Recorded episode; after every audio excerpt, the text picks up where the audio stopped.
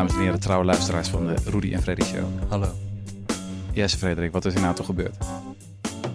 Wij zitten hier in Den Haag op het ministerie van Financiën in een zonovergoten kantoor, mag ik wel zeggen, tegenover een man.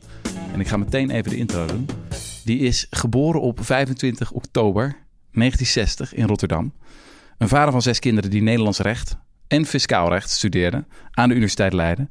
Een carrière-tijger, durf ik ook wel te zeggen. Die jarenlang excelleerde als belastingadviseur en het zelf schopte tot de illustre titel van partner bij het prestigieuze advieskantoor Ernst Young. Inmiddels EY geheten. En in de tussentijd werd hij ook nog eens op 29-jarige leeftijd al wethouder in het Oer-Hollandse Wassenaar, partijvoorzitter voor het CDA en lid van de Eerste Kamer, totdat op 10 januari 2022 de apotheose zich voltrok van deze schitterende loopbaan. Namelijk, toen gebeurde het, Marnix van Rij, hier aanwezig in dit kantoor, werd benoemd tot staatssecretaris Fiscaliteit en Belastingdienst in het kabinet Rutte 4. Heb ik dat goed samengevat zo? Ja, als ik het zo hoor, dan denk ik, ben ik dat? Ja, absoluut. Nee, maar het is, het is uh, ik ben op één, één amendement, als het mag. Mm -hmm. Ik ben niet echt een carrière-tijger. Het heeft zich allemaal bijna op een natuurlijke wijze ontrold. Het is u gewoon overkomen. Nou ja, ja, voor een deel wel. Nee, serieus. Dat, alleen mensen geloven dat nooit. Uh, dat was vroeger ook al zo. Maar ik heb bijvoorbeeld nooit een politieke carrière uh, geambieerd. Wel idealen in de politiek. Mijn carrière was als fiscalist inderdaad 28 jaar bij EY en, en ook nog bij een, uh, bij een bank. Maar ja, ik dacht in 2019 samen met mijn vrouw naar het Caribisch gebied te gaan. En toen op Bonaire te werken. Mm -hmm. En daar te blijven. En ja, nu zit ik hier. Ja, dat was zo gaat het soms in het leven. Bedoeld als de, een beetje de, de nazomer van uw carrière. Ja. Een beetje nagenieten en dan komt ineens dat telefoontje. Hoe gaat dat? Wie belt dan? Nou, dat... Uh, uh, Bonaire, daar was ik dus zes maanden Rijksambtenaar. Mm -hmm. Dat is ook de enige tijd in mijn leven geweest dat ik 36 uur per week heb gewerkt. Dus om 12 uur op vrijdag kwam mijn vrouw me ophalen. En dan gingen we naar het strand of andere leuke dingen doen. Toen kwam er een telefoontje of ik regeringscommissaris op Sint-Eustatius wilde worden. Ik wist wel dat het een van de bovenwindse eilanden was, maar gek veel meer wist ik niet. Anders dan dat er een regeringscommissaris was. Dat heb ik 14 maanden gedaan. En toen kwam er een telefoontje uit Den Haag of ik interim partijvoorzitter van het CDA wilde worden na de niet zo goed verlopen verkiezingen van twee jaar geleden. Uh, ja, ze deden een beroep op mij omdat ik ruim 20 jaar geleden ook partijvoorzitter was geweest. Die partij ook goed ken. En toen dacht ik weer naar Sint-Eustatius terug te gaan. En toen werd mij gevraagd om staatssecretaris te worden... nadat het coalitieakkoord gesloten was... en ik het estafette stokje aan mijn opvolger had overgedragen. Uh, Hans Huibers, die nu partijvoorzitter is van het CDA. Dus ja, als de plicht roept, dan, uh, dan uh, ben ik er. Kijk aan. Ik heb eigenlijk een simpele vraag om dit interview mee af te trappen. En uh, daarna laat ik het over aan de expertise van mijn uh, collega Jesse Frederik. En de vraag luidt als volgt. Uh, hoe is het om dag in dag uit bezig te zijn met het opruimen van de troep van de voorgangers? Ja, zo, zo, zo zie ik het niet.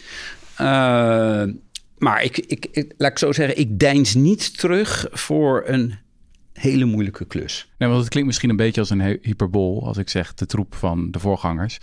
Of was een beetje flauw of zo. Maar wat recent weer de zoveelste, zoveelste onthullende en schokkende serie in NRC was het dit keer. En ja, dat is toch niet mals. Ik kan heel even citeren, ook voor het beeld van de luisteraars. Over openbare en interne documenten en gesprekken met bronnen in en buiten de dienst. die een beeld schetsen van een organisatie waar zoveel tegelijk misgaat. Ik heb het nu over de Belastingdienst. En problemen die zo met elkaar verweven zijn. dat vooruitgang al jaren nauwelijks te boeken is.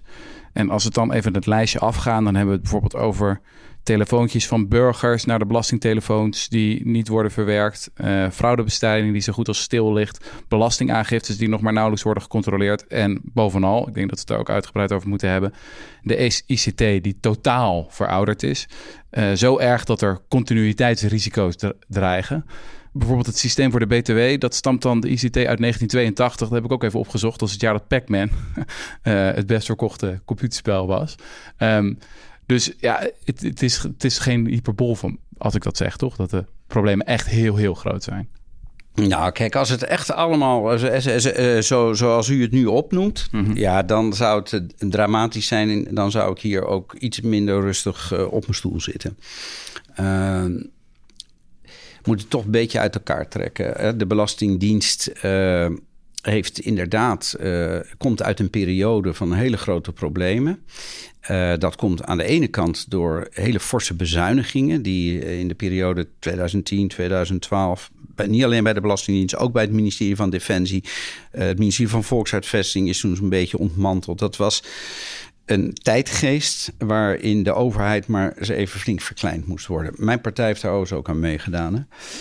Uh, daar hebben we heel lang de rekening van betaald. Want dat was eigenlijk, had er toen in de Belastingdienst geïnvesteerd moeten worden. En meer in het bijzonder in de ICT-systeem. Want er is voldoende geld nu. Uh, het is natuurlijk moeilijk bij de Belastingdienst, net zo goed als bij andere bedrijven of organisaties in deze arbeidsmarkt, om de juiste mensen te vinden. Maar die modernisering van die ICT-systemen is niet alleen een kwestie van geld en mensen.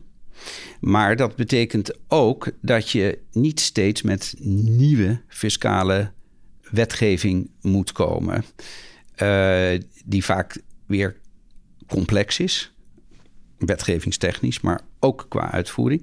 Je moet veel beter plannen wat komt er uit Brussel op ons af. Dat kan geen verrassing zijn. EU-richtlijnen komen niet zomaar uit de lucht vallen. Mhm. En last but not least, uh, toen het arrest van de Hoge Raad er was op 24 december 2021, net voordat ik begon. Ja, dat sloeg hier toch een beetje in. Dan moeten we eh, even uitleggen. Het arrest ging. Dat ging over box 3. Mhm. En in dat arrest heeft eigenlijk de Hoge Raad kort gezegd uh, de, ja, de wet buitenspel gezet.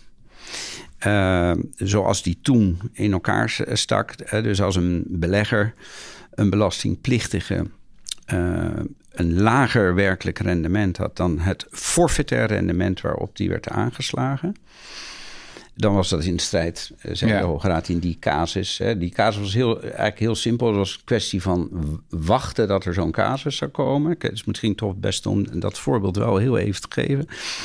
Er was een, er was een belastingplichtige die had 800.000 euro... waarvan die 80% op de bank had staan. Mhm. En de rest, een beetje aandelen, een beetje vastgoed.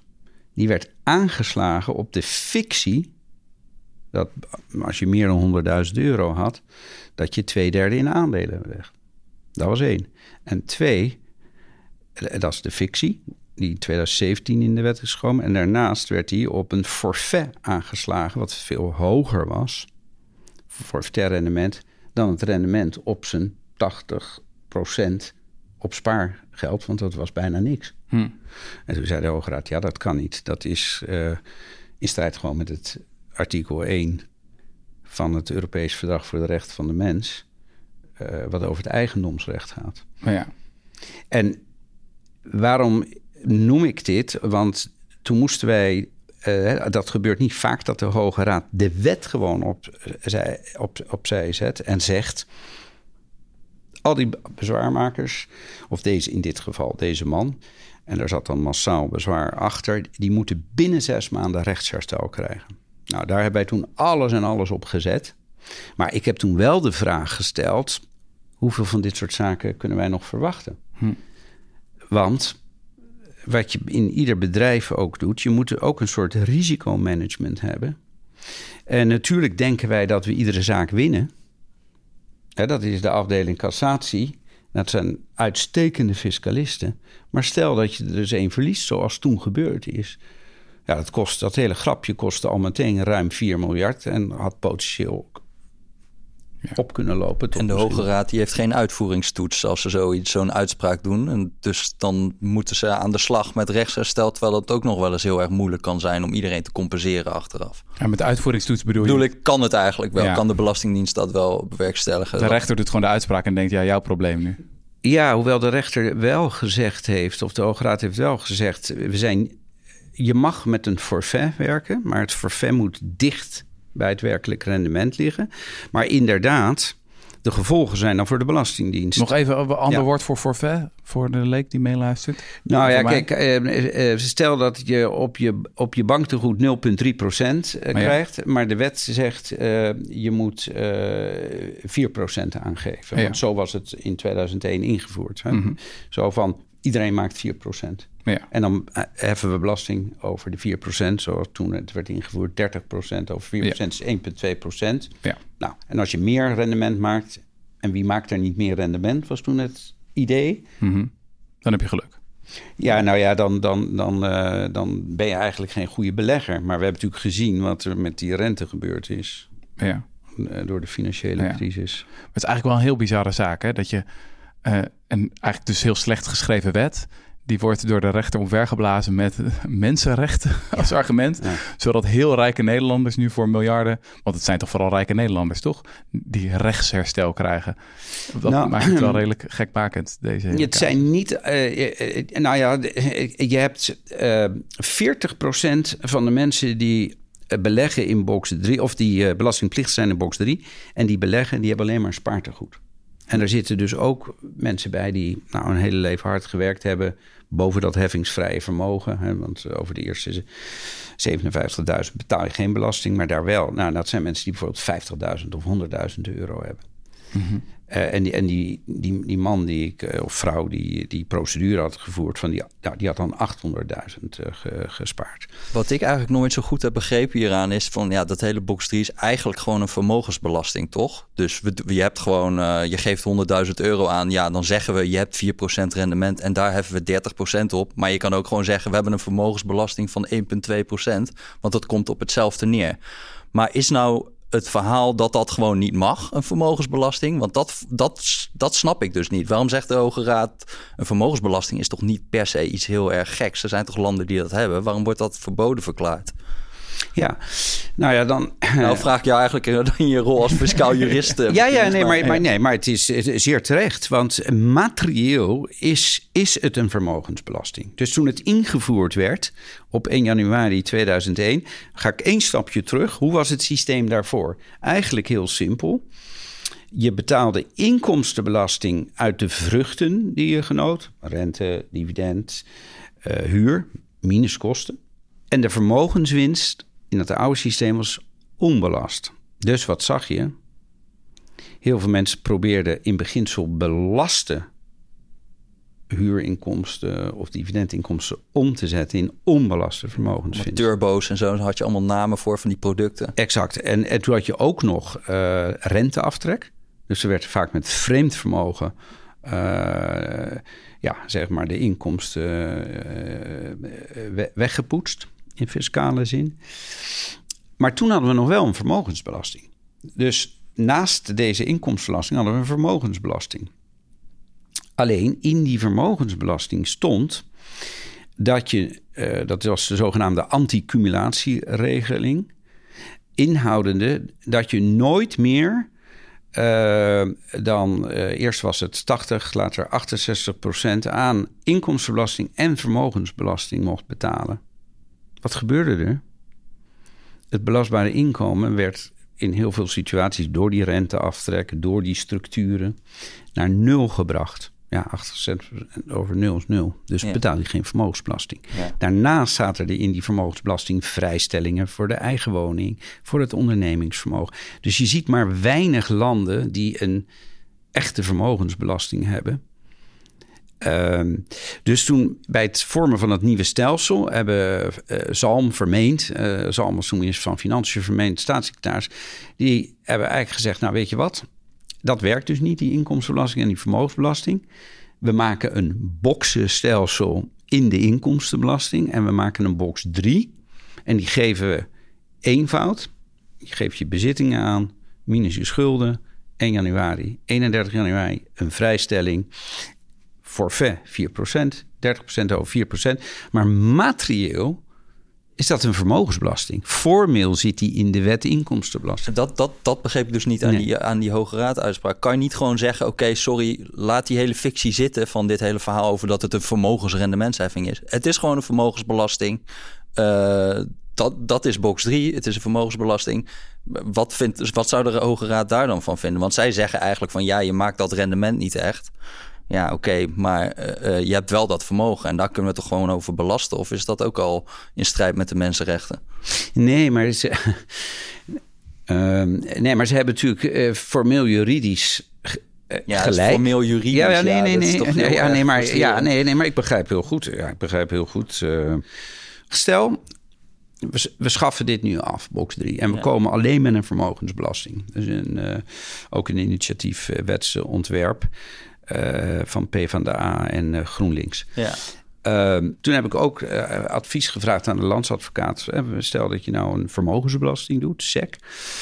Uh, als een vermogensbelasting een aanvulling is op de inkomstenbelasting, dan kan het in plaats van. En zeker als je dan ja, met de hoge tarieven gaat werken, dan uh, loop je inderdaad het risico dat het in strijd is weer met artikel 1. Oké, okay. ja, het is wel valt een beetje buiten mijn opvatting van mensenrechten over ja. die vermogensbelasting. Maar goed, dat, ik, ik ben ook ja. geen jurist. Laten we deze even parkeren. Het is misschien nee, maar ik, ik, ik begrijp dat heel goed. ja. Ik had ook niet dat idee. Het dat is volkomen knettergek, toch? Dat het, Om het even, ja, sorry, ik zeg Nee, dat het zo. Europese verdrag voor de rechten van de mens voor deze situatie was ja, geschreven. Ja. Eén ding wat mij opviel toen ik dat boek over de toeslagenaffaire schreef, is ook dat de analyses, dat eigenlijk alles zich de hele tijd maar herhaalt, ook over die Belastingdienst. Het is niet zo dat we nu al niet tien jaar geleden het ook niet ging over de ICT bij de Belastingdienst. En als je dan zo dat rijtje ziet van initiatieven die er langs zijn gekomen. Ik had het nog even opgeschreven. In de afgelopen tien jaar heb je de brede agenda, de investeringsagenda, de herijkte investeringsagenda, beheerst vernieuwen, beheerst vernieuwen, zichtbaar beter. En dan daarna komen er weer cultuurtrajecten. We hebben dan nog een, we hebben de hele boel weer opgesplitst. Het is eigenlijk een soort van aaneenschakeling van allerlei ja, staatssecretarissen die daar komen en die weer een nieuw initiatief lanceren van we gaan, het, we gaan de hele structuur aanpassen. En um, ja, ik ben, ik, ben, benieuwd hoe jij erop reflecteert of u daarop ja. reflecteert. Ja, ja. uh, nou, ik heb dat niet gedaan. Ik nee. heb niet zo'n nota geschreven. Ik ga niet nu de structuur wijzen. Wat ik eigenlijk heb gezegd is uh, twee dingen. Ten aanzien van die modernisering. Uh, geef nou, maak een meerjarenplan en leef niet van jaar tot jaar. Laat je niet verrassen um, door risico's die voorzienbaar zijn. Politiek wil altijd in vier jaar de wereld veranderen. Natuurlijk moet ik het coalitieakkoord uitvoeren. Maar ik ga niet uh, met allerlei nieuwe belastingen en heffingen komen. Want anders krijgen we die modernisering van die ICT nooit voor elkaar. Kijk, de Belastingdienst kan natuurlijk eh, gelukkig nog heel veel. En laten we eerst eens beginnen met het feit dat eh, Nederland een van de beste systemen heeft van de voor ingevulde aangifte. De Belastingdienst haalt uh, 362 miljard aan belasting en premies op uh, per jaar. Alles wat bestaande knoppen zijn, tarieven, vrijstellingen, dat kan. Maar mm -hmm. echt grote nieuwe stelselwijzigingen, nu even niet. Geen nieuwe knoppen op de machine. Ja, exact. Geen nieuwe knoppen op de machine. Uh, maar tegelijkertijd is het niet zo dat we een stilstand of een moratorium hebben. Maar ik vond het wel interessant tegen NRC maakte u een opmerking die volgens u zelf niet cynisch bedoeld was, maar die erop neerkwam dat u wel tevreden leek te zijn met de nederlaag van de regeringspartijen bij de provinciale statenverkiezingen, want bij een verdeelde Eerste Kamer is de kans klein dat de Belastingdienst de komende tijd grote beleidswijzigingen moet doorvoeren. Ja. Ik vond dat wel een behoorlijk cynische opmerking. ook een behoorlijk grappige opmerking. Maar ook behoorlijk cynisch dat een staatssecretaris blij is met de ja. nederlaag van zijn politieke bondgenoten. Omdat er dan tenminste niks... Gaat voor een nou, Belgisch kijk, model. Eh, eh, ironie is een, gewoon een, een, een wapen waar je, uh, ja, waar je op kan overleven. Mm -hmm. uh, nee, maar daar zat wel een zekere mate van uh, kern van waarheid in. Wat ik natuurlijk bedoelde te zeggen is dat... Wat je heel veel ziet, en dat zag je natuurlijk ook bij toeslagen. Uh, uh, het is uit, een, uit, uit de CDA-koker gekomen dat er toeslagen moesten komen. Nou, op zichzelf conceptueel hele goede argumenten voor. Vervolgens wordt het ingevoerd. Nou, dan ligt er in beginsel goede trouw aan de grondslag. En dan zien we dat er een schandaal is. Ik doe het nou even met hele korte stappen thuis. Mm -hmm. En dan gaat de wetgever, die gaat dan toch niet al te doordacht in één keer van goede trouw kwade trouw maken. En dan gaan er inderdaad heel veel instanties onder de Belastingdienst... die gaan dan fouten maken. Maar je ziet altijd, als het om de fiscaliteit gaat... en, en dat probeer ik ook weer wat in balans te krijgen... Kijk, de Belastingdienst voert wetten uit. En als die wetten niet goed zijn, of het beleid wat gebaseerd is op die wetten niet goed is, eh, dan moet ook de wetgever in de spiegel kijken. Nou ja, ik zit ook nu op, in een positie dat ik uh, met initiatieven moet uh, komen. Ik moet uh, met wetgeving komen. Dus dat moet je heel zorgvuldig doen. Dus dan moet je de uitvoeringsaspecten meteen meenemen. Maar dat geldt ook voor de Tweede Kamer. Ja, want ik, ik, ik, daar wil ik ook nog wel wat over uit. Valt mij altijd wel heel erg op van. Um, dat er met de mond allerlei dingen worden beleden, zoals gewoon uitvoerbaarheid en we willen het eenvoudiger. Maar ja, als het dan puntje bij paaltje komt, als het over een concrete wet gaat, dan wordt het in één keer toch wel weer heel erg moeilijk. En dan gaan die waarden heel snel het raam uit. Uh, volgens mij uh, had, uh, hadden jullie hadden een wet ingediend om de accijnsvrijstelling voor kleine brouwerijen. Ja, dat gaat helemaal nergens over. Dat is dan een soort van een hele oude fiscale regeling waarvan al heel lang wordt gezegd van ja, dat heeft helemaal geen effect. Om dat dan af te schaffen. En dan zegt de Tweede Kamer weer van nee, speciaal bier is lekker, we doen het toch niet. En dan denk je toch van ja, hoe rijmt zich dat dan met elkaar? Uh, is dat ook wat, wat, wat, u bedoelt eigenlijk? Ja, en we hebben uh, op 21 september vorig jaar een brief aan de Kamer geschreven. Eh, even uh, over de fiscale regelingen. Dus mm -hmm. zeg af, aftrekposten, vrijstellingen. In totaal praat je dan over ongeveer budgetair 145 miljard. Waar moet ik dan allemaal denken? Dus de kleine brouwerijen? Ja, maar bijvoorbeeld de, de grote zijn bijvoorbeeld de inkomensafhankelijke arbeidskorting. Mhm. De inkomensafhankelijke uh, algemene heffingskorting. Hypotheekrenteaftrek. Negen regelingen bij de eigen woning. Waaronder de hypotheekrenteaftrek, maar ook weer allerlei de bijleenregeling. Mm Het hogere eigen woning ververb voor woningen meer dan uh, e. Altijd om misschien goede redenen, uh, maar altijd bijna altijd de uitkomst van politieke uitruilen of deelbelangen. Mm en als je dan na twintig jaar bijvoorbeeld naar zo'n wet inkomstenbelasting kijkt, waar zijn we nu mee bezig? Dus wat hebben we gezegd? Als onderdeel van de begrotingsregels moeten fiscale regelingen geëvalueerd worden door een onafhankelijke derde. Wat staat er dan in zo'n evaluatie? Is het doeltreffend en is het doelmatig? Nou, en wij hebben nu daar nu een, een, kader voor gezet. We zeggen, luister, als een onafhankelijke partij zegt dat het niet doeltreffend is mhm. of niet doelmatig. Wat is het onderscheid? Doeltreffend is bereik je je doel en doelmatig is tegen acceptabele kosten. Exact. Okay. Ja, exact, dat is het. En, maar als het dan uh, niet doelmatig, uh, niet doeltreffend, dan moet je eigenlijk twee dingen doen. Dan schaf je hem of af, of je versobert hem. De discipline is inderdaad bepaald niet groot in het verleden als het om de evaluaties gaat. Uh, veel uh, liggen er nog hier in, ergens in een bureaula. Dus we hebben in de miljoenennota worden ze ieder jaar keurig netjes opgesomd. En wij hebben nu gezegd: nee, die evaluaties die worden, die worden wel serieus genomen. Daar komt een kabinetsappreciatie op. Dus het kabinet zegt wat ze ervan vindt. Maar dat is ook eigenlijk al heel lang, hè? Toch? Dat er gewoon een, dat er een appreciatie komt op een evaluatie. Het is, dat is wel. Maar, maar heel vaak is de appreciatie nou, nou leuk gedaan. Appreciatie op een evaluatie. Ja, ja. lekker. Ja. ja. nou ja, maar ook er zijn ook voorbeelden dat er überhaupt geen appreciatie is gegeven. Maar dan komt het vervolgens. Dan moet je er wat mee doen. Ja. Want dan, het is leuk dat het kabinet er wat van vindt. Maar gaat, gaat het kabinet het vertalen in een wijziging? Nou, laten we zaken doen. Dan uh, heb ik uh, de landbouwvrijstelling. Ja, die gaan we, die gaan we evalueren. Maar dan, maar dan hebben we in 2007 hebben we een evaluatie. En daar zegt het Landbouw-Economisch Instituut... zegt ons inziens is er geen rechtvaardigingsgrond meer... om de landbouwvrijstelling te behouden. Uh, dan komt er in 2014 een van een interdepartementaal beleidsonderzoek agrobeleid. De bijdrage van de landbouwvrijstelling aan de doelen van het landbouwbeleid... lijkt beperkt en niet doelmatig. En dan krijgen we 2020 nog de Algemene Rekenkamer. De landbouwvrijstelling heeft geen specifiek beleidsdoel... en draagt dus ook niet bij aan het bereiken daarvan. Hoeveel geld is dat? Dat is, dat is nou, ik heb een leuk deze vraag. Ja. Nee, uh, in de afgelopen tien jaar waar ging, is er meer dan 11 miljard euro oh. aan uh, misgelopen belastinginkomsten. Uh, en dat is 110 Seward mondkapjesdeals of 174 Joint Strike Fighters. Alles ja, dus altijd, altijd, moet je altijd in universele ja, eenheden van ophef moet je het uitdrukken. Hè? Dat is toch wel... Maar, maar, gaan we die afschaffen dan? Nee, kijk, de, wat wij nu hebben wij zijn het eerste kabinet die nu hebben gezegd... het is onderdeel van de begrotingsregels. Dus dat betekent dat we ook alle be bewindslieden daaraan kunnen houden. Want hoe werkt het? Het is wel een fiscale regeling...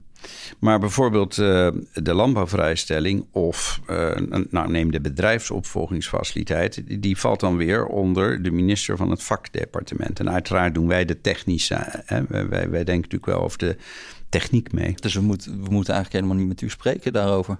Nou ja, precies. We kunnen het interview natuurlijk ook stoppen. nee, maar eh, dat betekent dat je die, die evaluaties niet alleen moet doen. Het kabinet moet vervolgens zeggen wat ze dan vindt. En dan komt het erop aan. En dat is, toen, dat is bij die landbouwvrijstelling niet gebeurd. Die landbouwvrijstelling wordt overigens nu, dit jaar, geëvalueerd. Ja.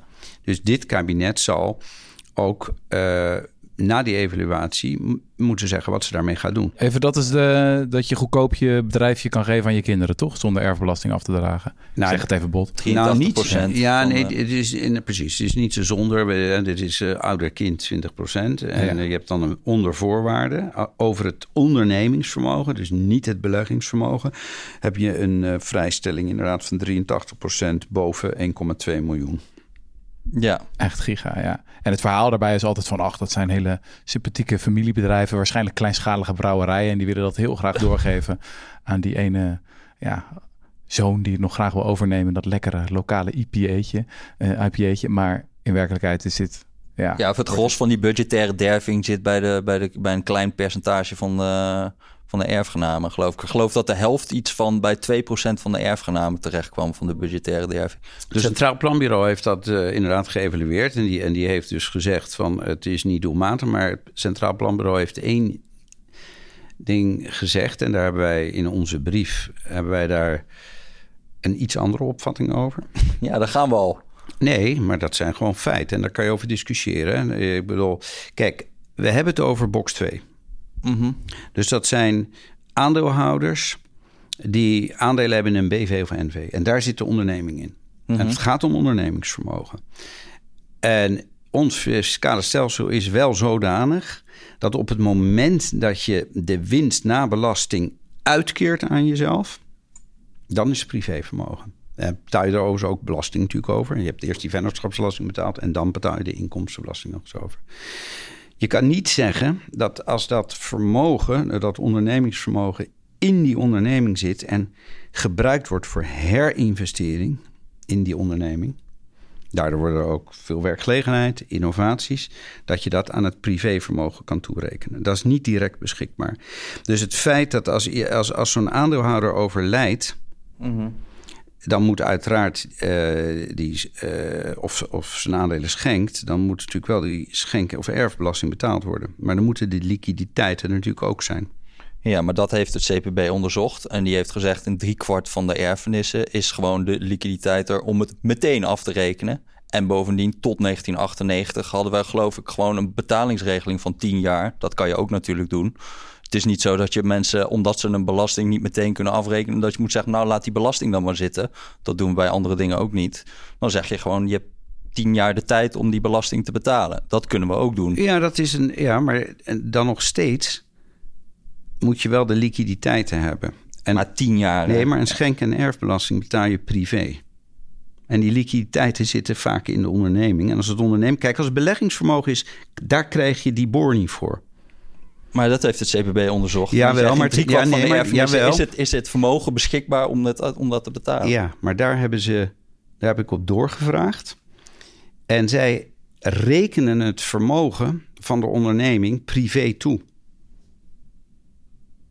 En dat is ook bijvoorbeeld in de discussie over uh, bij de IBO vermogensverdeling. Mm -hmm. er wordt ook gezegd 1% van de Nederlanders heeft 29% van dus het vermogen. Om, om het even goed, ja, goed te begrijpen, ze hebben bijvoorbeeld een onderneming heeft allemaal vastgoed. Uh, dat is vermogen, zou je kunnen zeggen. Als, dus... het, als daar uh, ondernemingsactiviteiten, als het verhuurd vastgoed is, gaan wij dat als beleggingsvermogen. Ja, oké, maar, maar stel dat is zo. En dan zeggen zij, uh, dan zeggen ze eigenlijk een onderneming is zoveel waard, want die heeft zoveel vastgoed. Dan is eigenlijk Wat jij zegt van, ehm, oké, maar dat kan je niet gelijk verkopen of zo. Om, ja, nou, nou, de of, erfbelasting te Of neem gewoon de balans van een, eh, van een onderneming. Uh, nou, aan de actiefzijde 100, uh, 50 aan de passiefzijde uh, als, als vreemd vermogen. Eigen vermogen 50. Nou, laten we zeggen, dat zijn ook de zichtbare reserves. Um, daar kan je, je kan dan niet zeggen, die 50 die, daar kan ik privé vrijelijk over beschikken. Want die schenk- en erfbelasting moet wel uit het privévermogen betaald worden. Ja, maar dat wordt wel, nou, zeg maar, eh, er was niet echt toch een probleem mee tot, zeg maar, we hebben in 2002 geloof ik die boor ingevoerd of 98. En daarvoor was er dan een enorm probleem met dat, dat, dat, hij, dat hij niet betaald kon worden. Ja, die boor is niet voor niets ingevoerd. Want ja, er was een nou ja, omdat het, omdat het een fijn douceurtje is voor, voor bedrijfseigenaren die Nee, daar ben ik het echt, echt niet mee eens. Daarnet hebben we het over de continuïteit van de Belastingdienst gesproken. Hier gaat het ook over de continuïteit van bedrijven. Uh, op het moment dat je de aanslag zo hoog is en je niet direct over de liquide middelen beschikt en dat dus moet vrij, vrije reserves moet uitkeren. Terwijl je de liquide middelen nog niet eens in de onderneming hebt, moet je naar de bank om het te lenen. Dus dat vind ik echt iets te eenvoudig om te zeggen. je eh, hoeft niet naar de bank om het te lenen. Je mag het lenen van de Belastingdienst. We doen een, een betalingsregeling van 10 jaar. Als dat dan nog niet, niet lukt. Ja, ik vind het gewoon een beetje een rare manier. Ja, nou ja, dat kan zijn, maar daar, daar, daar denk ik echt anders over. Hmm. Uh, ook omdat. Uh, heel veel ondernemers helemaal geen schuld willen hebben. Eh, wie wil er... Nee, ik wil ook geen schuld hebben elk jaar als aan de Belastingdienst. Maar ja, dat, uh, dat gebeurt nou eenmaal. Ja, maar het, het vermogen zit in de onderneming... en het wordt aan jouw privé uh, toegerekend... terwijl je dus schenk- en erfbelasting privé moet betalen... en dan moet je bij de Belastingdienst gaan lenen. Ja, maar je krijgt ook 20 miljoen in de schoot geworpen... waar je niks voor hebt hoeven doen anders dan geboren te worden. Ja, dan, dan nou, mag je ook wel... Ja, maar daar, daar denk ik ook echt fundamenteel anders over. Dat zijn ondernemers die risicodragend vermogen, die ook risico's durven te nemen, die voor werkgelegenheid zorgen. Ja, kijk, ik heb gewoon een baan. Ik krijg jaarlijks gewoon uh, of maandelijks mijn salaris. Uh, dat kan je niet zeggen, dat wordt je in de schoot geworpen. Als kind wel. Nee, maar je, je, moet, je hebt een grote verantwoordelijkheid ook om die onderneming... niet naar de Filistijnen, maar om die... Uh, qua continuïteit voor te zetten. En sterker nog, als het goed is, te innoveren en uit te breiden. Het is toch raar dat je, als, als je privé een erfenis ontvangt, dan betaal je een bepaald percentage. Maar als je dan een bedrijf ontvangt, dan betaal je er een veel lager percentage over. Of bijna niks. Dat is toch niet uit te leggen?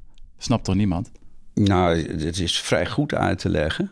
Um, want ja, als de keerzijde zou zijn dat daarmee uh, bedrijven in continuïteitsproblemen gaan komen, uh, en uh, verkocht moeten worden, bijvoorbeeld uh, aan private equity, of opgeheven moeten worden of geliquideerd moeten worden. Nou, daar, daar kan je verschillend over denken, maar dat is denk ik niet hoe. En als dat niet zo is, stel dat we, dat we gewoon duidelijk kunnen vaststellen dat het niet zo is, zou u het dan geen probleem vinden? van als het CPB nog eens een keer grondig onderzoek doet. Nou, ik bedoel, ze zeggen nu al in driekwart van de gevallen is het geen probleem en een betalingsregeling ja, is prima. Nee, maar de, de, de kern is reken je vermogen die in, dat in de onderneming zit, reken je dat privé toe. Mhm. En dat gebeurt in dit klinkt voor mij heel erg als een onderscheid dat een, ja, vergeef me, een EY-fiscalist heel belangrijk vindt. Maar dat, nee, dat is fiscaal stelsel. Gewoon... Nee, sorry. We hebben vennootschapsbelasting en we hebben inkomstenbelasting. Dan moet het fiscale stelsel gaan wijzigen. Maar we, weten toch allemaal dat het heel aantrekkelijk is, ook voor mensen, om zoveel mogelijk geld te stallen in een onderneming in box 2, dat dat een veelgebruikte vorm van belastingontwijking is in Nederland. En dat ook de bedrijfsopvolgingsfaciliteit daar natuurlijk ook weer gebruik van maakt. Ja, is, is dat onderscheid tussen privé en onderneming, is dat nou echt zo scherp in de praktijk toch helemaal niet? Nee, met alle respect, nu worden er een aantal dingen door elkaar gehaald. Oké. Als het om beleggingsvermogen in box 2 gaat, dan ben ik het ermee eens dat dat gewoon belast moet worden. Daarvoor gaan wij ook het beleggingsvastgoed uit de boor halen. Dat is geen ondernemen. Daar wordt gewoon de normale schenk- en erfbelasting over betaald. Als het om het ondernemingsvermogen gaat, dan ben ik het volstrekt niet met u eens. En dat heeft niks met EY-achtergrond te maken. Dat vind ik echt ook een miskenning van de rol die ik nu vervul. Dat heeft echt met het klassieke stelsel te maken wat wij hebben in de belastingen. Dat is dat wij op twee niveaus heffen als het om vennootschappen gaat. De vennootschapsbelasting op het niveau van de vennootschap en de inkomstenbelasting op het niveau van de aandeelhouder op het moment dat het uitgekeerd wordt of dat de aandelen verkocht worden. Dat heeft helemaal niets met mijn achtergrond te maken als EY-belastingadviseur. Eh, e Dan moeten we de vennootschapsbelasting anders vormgeven.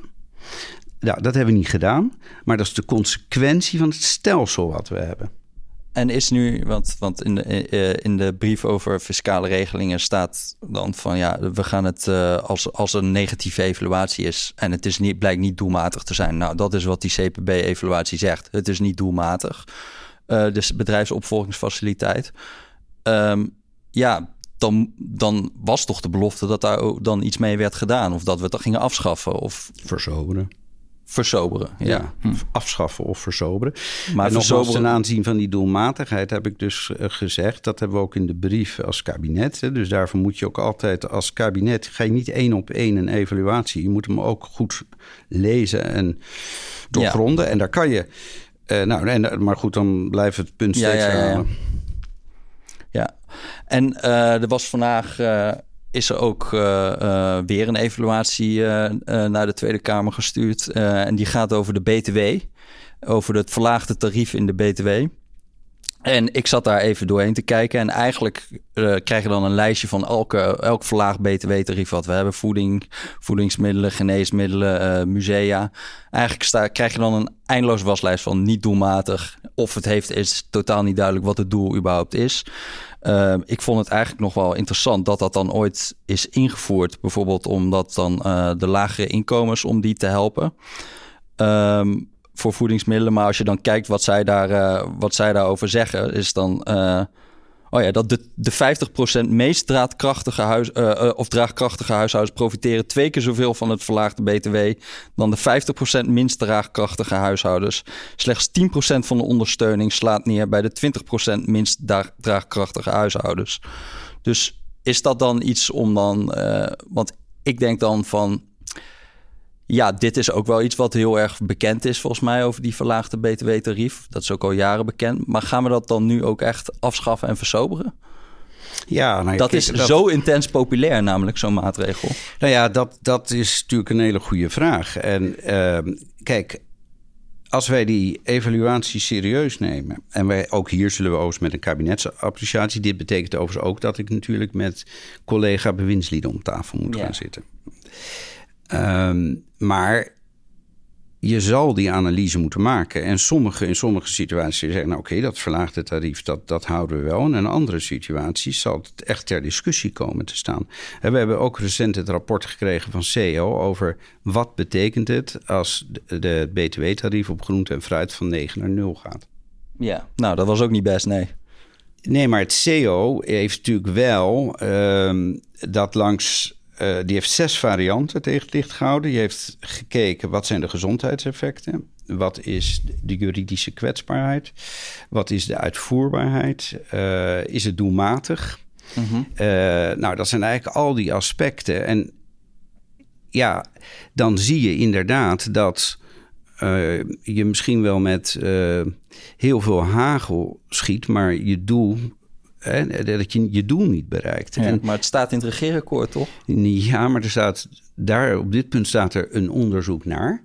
En er is ook nog geen budgettaire dekking. Maar ik vind wel, en dat doe ik nu samen met collega Maarten van Ooyen...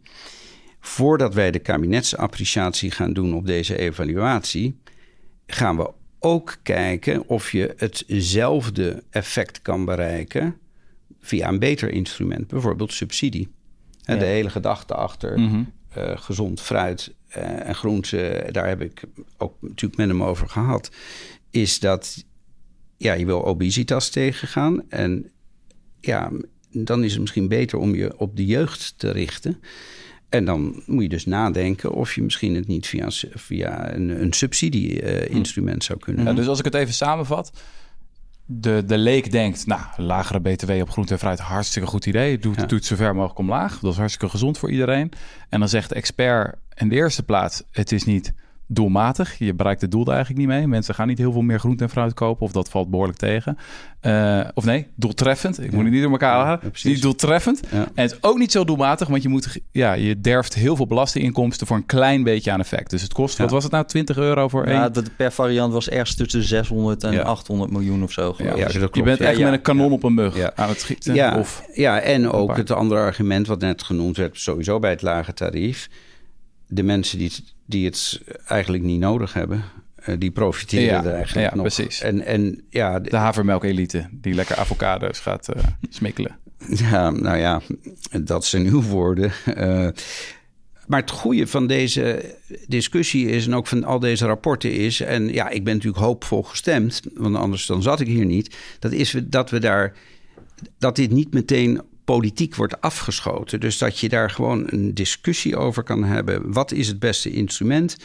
Kan dat via de fiscaliteit? Ja of nee? Of moeten we het subsidie... Maar wordt dat niet gelijk politiek afgeschoten? Marjolein Moorman had een stuk in, uh, in, uh, in, in, in Trouw, uh, de wethouder van Amsterdam. En die zegt dan gewoon een btw-verlaging op groente en fruit is effectief uitvoerbaar. En er is maatschappelijk draagvlak voor.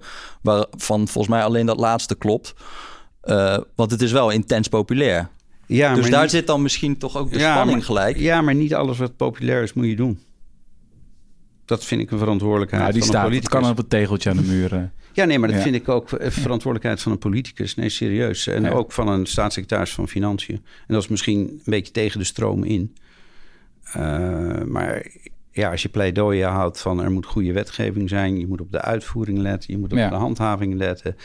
ja, dan moet je er ook naar handelen. Nee, maar wij vinden dat van de Rudy en Freddy Show vinden dat heel goed. Dus we willen u eigenlijk aanmoedigen. En blijf impopulaire dingen roepen. Weg met die landbouwvrijstelling. Weg met die bedrijfsopvolgingsregeling. Weg met dat tarief voor groente en fruit. Effectief, doelmatig. Ja, kijk, dat vind, ik, dat vind ik nou ook weer populair. Weg met dat, weg met dat. Kijk, ik heb ook gezegd, ik probeer ook de nuance er een beetje in te brengen. Dus ik probeer ook te zeggen van, je, kan, je hoeft niet alles meteen af te schaffen. Je kan het ook versoberen, maar voer die discussie Maar de kerstboom moet wel, wel gesnoeid worden. Ja, die kerst... Nou ja, kijk... Ehm, ja, die, eh, daar, kan, uh, daar kan behoorlijk in gesnoeid worden. En het is natuurlijk ook een algemene rekenkamer die daar een en ander maar op gewezen heeft. Hm. Ja, maar ook dat vind ik dus fascinerend als je over de, een periode van 20, 30 jaar kijkt. Dat gewoon uh, volgens mij uh, Wouter Bos, die kwam al aanzetten met we gaan ontbossen, heette dat toen. Nou, toen kreeg hij een opvolger en dat was uh, Steven van Eyck, die ging herijken. En allemaal hebben ze eigenlijk gezegd van, volgens mij is er geen staatssecretaris geweest die niet heeft gezegd, we gaan iets doen aan die fiscale regelingen. Het is alleen, er was ook een, een, een rapport van uw ambtenaren en die zei van sinds 2003 zijn er ongeveer evenveel fiscale regelingen bijgekomen als afgeschaft. Dus hoe uh, gaat u ervoor zorgen dat dat niet ook weer gebeurt? Nou ja, eigenlijk hetzelfde wat we net hadden bij de Belastingdiensten. Dus van, van, van mij uh, heeft u geen grote structuurwijzigingen. Hm. En dat geldt hier ook. Ik zal geen grote woorden hier gebruiken. Een tijdje geleden gaf u een uh, lezing voor het Center for European Policy Studies. Ik denk dat dat in Brussel was. Ja, dat was in Brussel. Ja. Um, en daar zei u onder andere the Netherlands had something of a reputation when it came to taxation and tax avoidance. And it's true that our internationally oriented tax system gave many companies scope to avoid paying tax. En ik vroeg me eigenlijk in eerste instantie af toen ik dat las van... was dat ook uw werk in de tijd bij Ernst Young?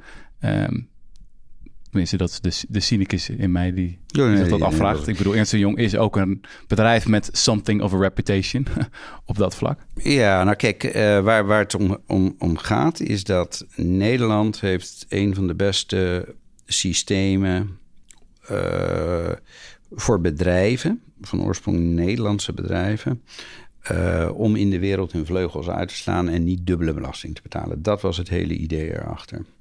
Uh, dat, uh, omdat Nederland is natuurlijk een relatief klein land, dus die thuismarkt is niet zo groot. Dus je moet, ja, heb je een beetje ambitie. dat was begin 20e eeuw. Dan ga je ook in, in het buitenland activiteiten beginnen. Nou, betaal je daar vennootschapsbelasting één keer en dan kan je dividend terugbetalen onbelast onder de deelnemingsvrijstelling. Uh, of je verkoopt, als je je aandelen verkoopt, ook onbelast. En vervolgens wordt het geld weer geherinvesteerd elders in de wereld. Dat was in de essentie het idee erachter. Dat was eigenlijk de kern altijd van het Nederlandse be, uh, beleid.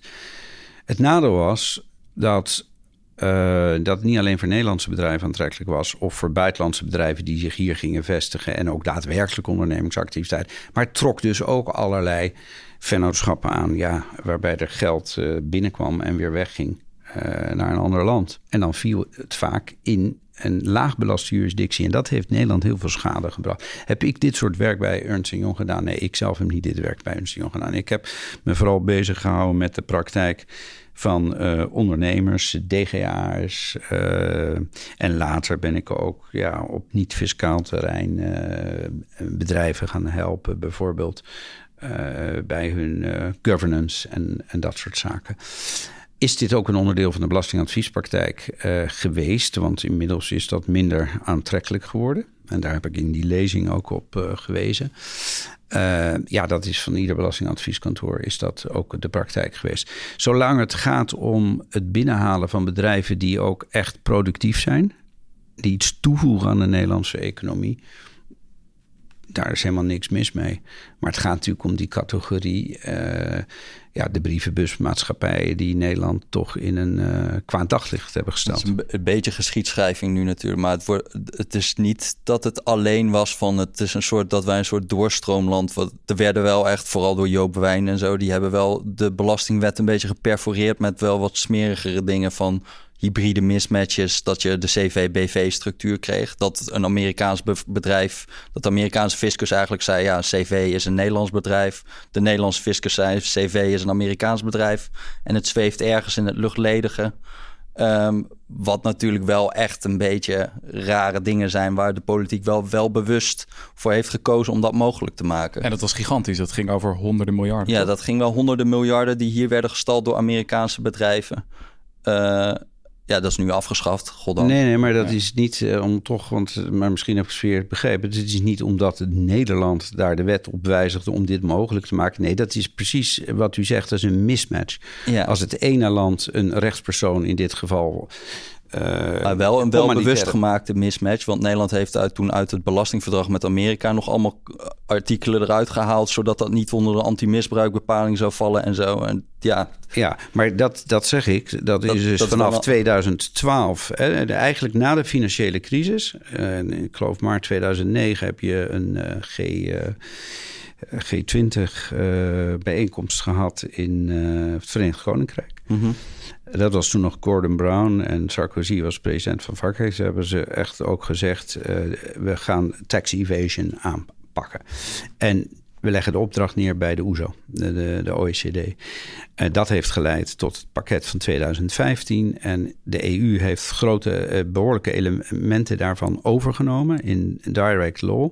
En Nederland, dat is de verdienste van de kabinetten Rutte 2, 3. En wij zijn er mee doorgegaan, 4 hebben ook gezegd, daar werken we niet alleen con amore mee, mee, maar als we zelf dingen extra moeten doen, moeten we ook dingen extra doen. En is het ook, want er waren in het verleden waren er ook nog wel eens initiatieven om uh, binnen Europa eigenlijk uh, nog een stap verder te gaan, dat je een helemaal een geharmoniseerde uh, basis krijgt voor de vennootschapsbelasting. Dus dat iedereen in Europa in ieder geval zegt, winst is hetzelfde. Um, maar daar was Nederland in het verleden altijd tegen. Dat stamt nog wel een beetje ook uit de tijd, denk ik, dat wij daar ietsje concurrerender in zaten. Of is, dat in, is, is daar inmiddels verschuiving in of is dat nog steeds onacceptabel? Ja, dus nog even om het goed uit te leggen, Jesse. Je bedoelt van dat we niet alleen hetzelfde tarief zouden hebben, want dat gaat nu gebeuren. Dat we ja, een minimumtarief in ieder geval. Ja, een minimumtarief van 15% Maar ook dezelfde definitie hanteren. Ja, dezelfde van grondslag. Hè? ja, dezelfde grondslag van winst. dus want ja. het tarief is één, maar het tarief, ja, je heft belasting over de winst. En dat is dan de grondslag. En dat die hetzelfde zou zijn. Dat, dat zou ook voor heel veel bedrijven eigenlijk heel gunstig zijn. In die zin dat ze veel minder administratieve lasten hebben. dan dat je niet in 20 landen tegelijk ja, een belastingaangifte moet doen. Dus geldt wel alleen voor multinationals, oké, maar toch. Ja, dus uh, inderdaad voor voor uh, bedrijven met uh, omzet van meer dan 750 miljoen. Mm. Nou, dat, dat is toen niet uh, gelukt in de EU. Dat is ook alweer ruim tien jaar geleden. Omdat ehm, bij dit soort plannen wordt ook altijd gekeken... wat is de impact? Mm en de manier waarop ze het vorm wilden geven, de commissie... was eigenlijk in het voordeel van de grote landen. Met veel industrie. Mm. Uh, toen nog, uh, kijkend gewoon naar de verdeelsleutel. Ja, want zij wilden een soort van op het aantal personeel en de omzet en zo. En dat dan als een, ja. Vast materiële, vaste activa. Als je en veel dat... brievenbusmaatschappijen hebt, wordt dat niks natuurlijk. Nee, maar goed. even, nee, maar even los van die brievenbusmaatschappijen, die, die, die zijn sowieso niet zo interessant voor de Nederlandse economie en de vennootschapsbelasting. Maar gewoon naar onze economie kijkend. Ja, wij, wij zijn natuurlijk een ander type economie dan Duitsland of Frankrijk. Dus die hadden daar voordeel van. Ja. Maar de commissie is nu weer aan het nadenken. Want het basisidee is natuurlijk heel goed. Ja, precies.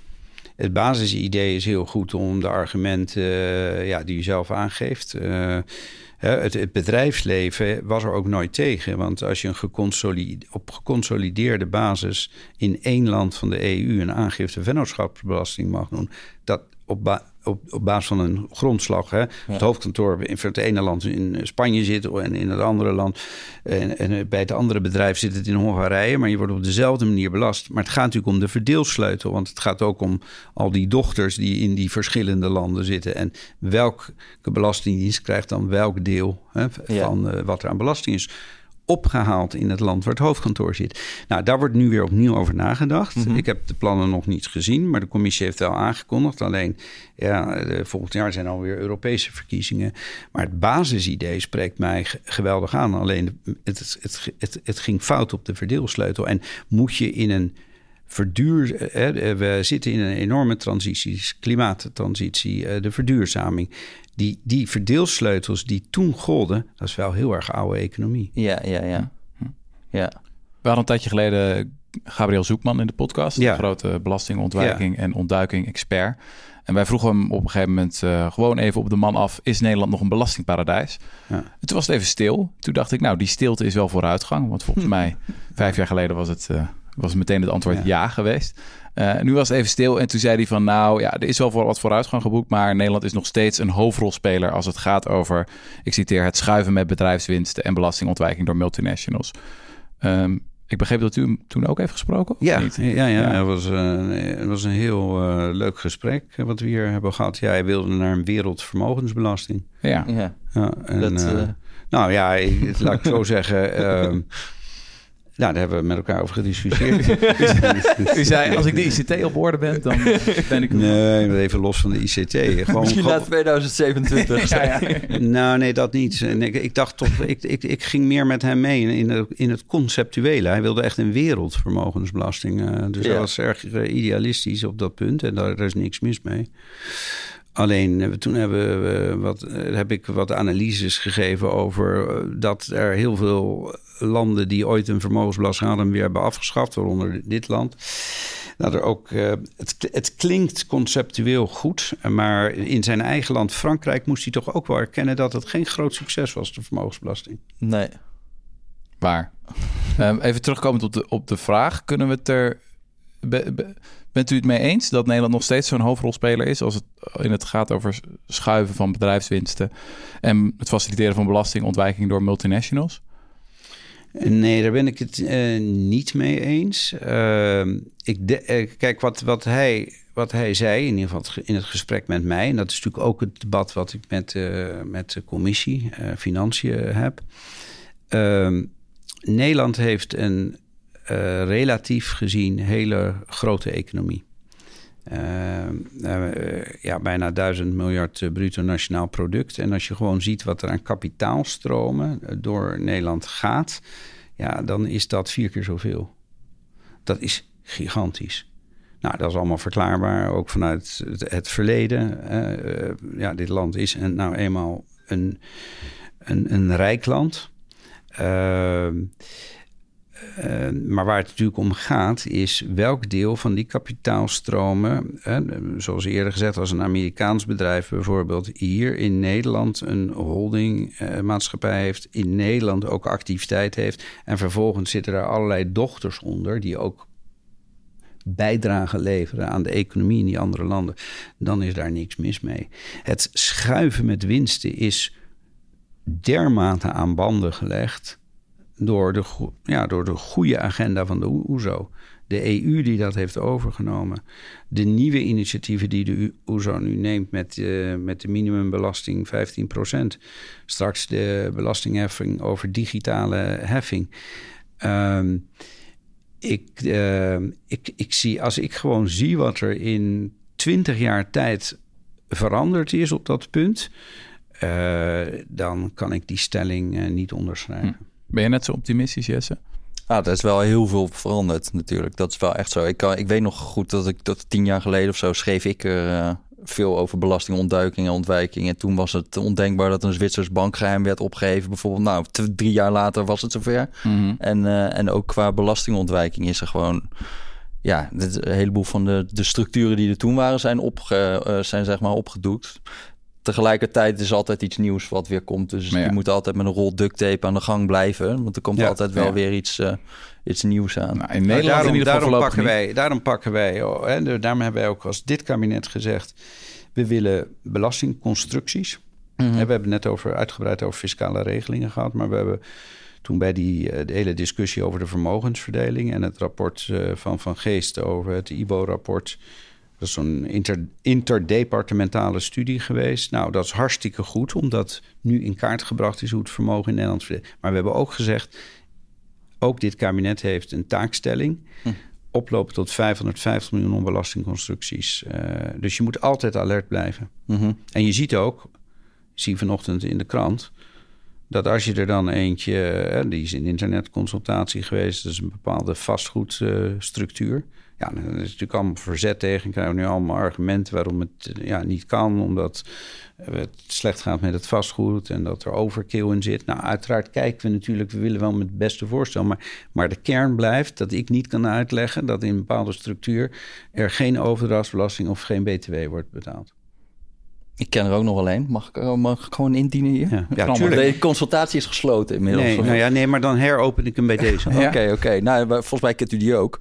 Uh, uh, de, van uh, private equity managers ja. die carried interest krijgen. En die betalen eigenlijk, ja, heel lang verhaal hoe dat precies werkt. Maar die betalen eigenlijk alleen het box 2 tarief.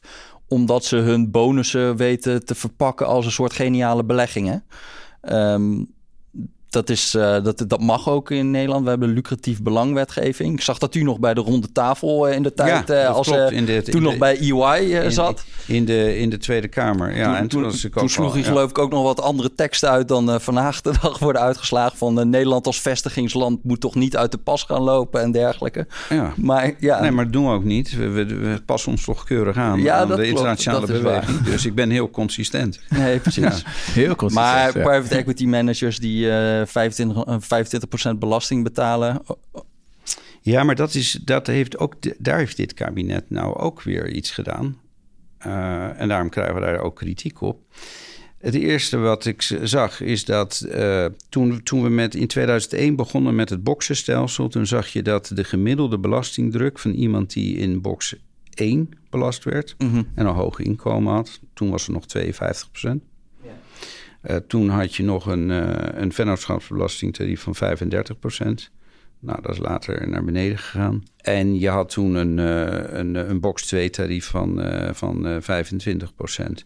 Wat wij nu gedaan hebben vorig jaar is eigenlijk de verschillen hè, tussen box 1 en box 2.